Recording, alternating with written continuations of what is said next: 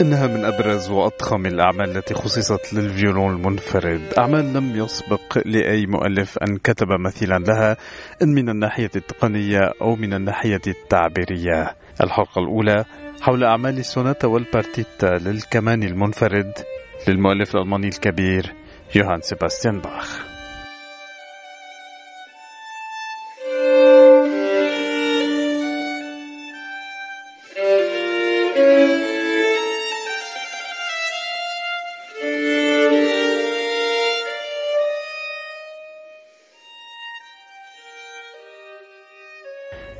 إنه عالم مليء بالجمال والكمال. يعرض أمام كل شخص يتأمل بمخطوطات باخ للمؤلفات المرتبطة بالفيولون المنفرد. كتابة باخ الفريدة تبحر بنا عبر عالم تطغى عليه الجماليات. في مؤلفات هي أشبه بالكاتدرائية الضخمة مع أعمدتها وزخرفاتها وهندستها العظيمة. في كتابة باخ كرامة كبيرة وثقة واضحة إضافة إلى فرح ظاهر يا لها من رؤية فيها من التناغم والتوازن. هذا ما كتبته عازفة الفيولون إيزابيل فوست في الكتيب المرافق للأسطوانة التي سجلتها منذ أعوام قليلة والتي خصصتها لمؤلفات باخ للفيولون وتحديدا للسوناتا والبارتيتا. أسطوانة نخصصها إذا لنتحدث عنها في هذه الحلقة والحلقات القادمة من برنامجنا لنبرز فيها أهمية هذه المؤلفات ومكانتها في التاريخ. وحقيقة فإن مقاربة إيزابيل فوست لهذه الأعمال فيها الكثير من التواضع والانحناء أمام عظمة هذه الأعمال. أعمال السوناتا والبارتيتا لباخ فوست التي تقول بأن هذه الأعمال ترافقها منذ بداياتها الموسيقية التي تشكل بالنسبة لها الركيزة اليومية الأساسية والتي تسمح لها بعزف باقي الأعمال التي ألفت لآلة الكمان. فهي تعتبر أن المتطلبات التقنية والروحية الخاصة بهذه الأعمال هي شرط أساسي لعزف كل الأعمال التي كتبت للآلة. ومن هنا إذن هذه الكلمات الهامة التي كتبتها فوست والتي تعتبر فيها بأنه حتى بعد دراسة هذه الأعمال يبقى المؤدي حائر أمام عمل فني كهذا بهذه الضخامة.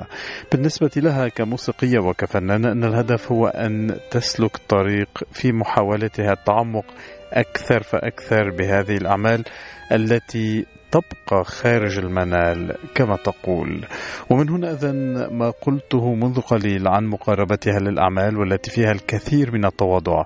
إذا أن فوست تعتبر بأن التسجيل هذا هو بمثابة الانحناء أمام مؤلف عظيم كباخ. الآن وقد أسهبت في الحديث عن نظرة إيزابيل فوست لهذه الأعمال. ما رأيكم لو نتوقف مع الموسيقى ومع هذه الحركة الثالثة ال courante؟ من البارتيتا الأولى بمقام ال si mineur مقام سي الحزين ليوهان سيباستيان باخ.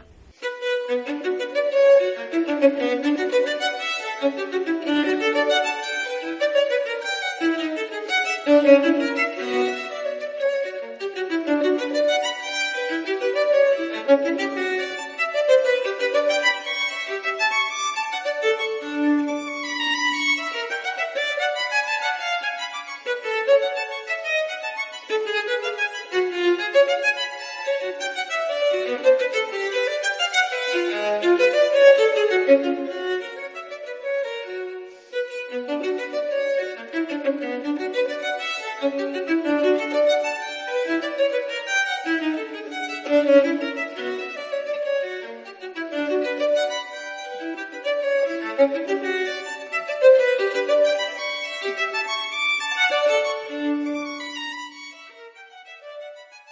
مقتطف من ال Courante الحركة الثالثة من البارتيتا الأولى من تأليف يوهان سيباستيان باخ.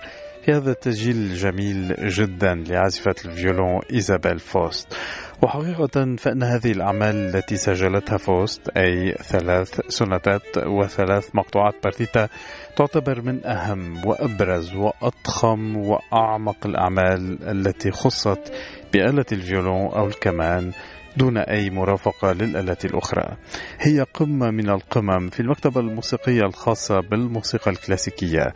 وهذه الأهمية مرتبطة بهذه الأعمال وتعود حتى القرن الثامن عشر وهو ما تحدث عنه الكثيرون بين هؤلاء ابن المؤلف وهو كارل فيليب إيمانويل باخ الذي اعتبر أن هذه الأعمال تعكس معرفة والده العميقة بآلة الكمان ليكتب ما يلي. كانت لوالدي معرفة كبيرة بالآلات الوترية فأحد كبار عازفي الكمان قال لي ذات يوم أنه لم يسبق له وأن أدى أعمال بهذا الكمال.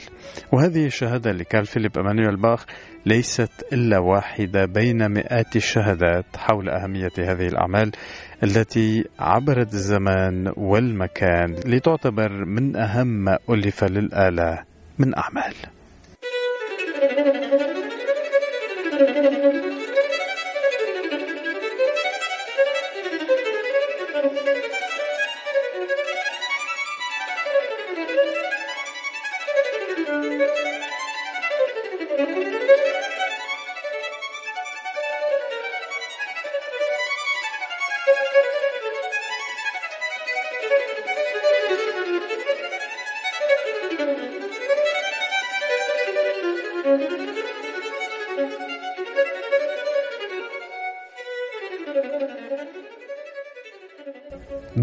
أو Double الحركة الرابعة من البارتيتا الأولى ليوهان سيباستيان باخ العمل الذي ألف لآلة ال violin دون أي مرافقة أخرى والذي استمعنا إليه مرة جديدة من خلال هذا التسجيل الرائع لإيزابيل فوست. وبحسب التاريخ الذي دونه باخ على الصفحة الرئيسية لهذه الأعمال فقد انتهى من تأليفها عام 1720 وهي سنة لم تكن كأي سنة أخرى بالنسبة للمؤلف إذ أنه فقد فيها زوجته كما أنه فشل في أن يتم اختياره كعازف أورغن أساسي في كنيسة القديس يعقوب سان جاك في مدينة هامبورغ الألمانية.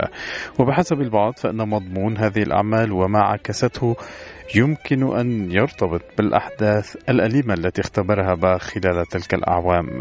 ومن هنا ربما هذا الطابع الذي يطغى عليه الحنين ونوع من التراجيديا في هذه البارتيتا التي استمعنا إليها إلا أن الأمر لا ينعكس بالطريقة نفسها في باقي الأعمال وهو ما سنتحدث عنه في حلقة الأسبوع القادم.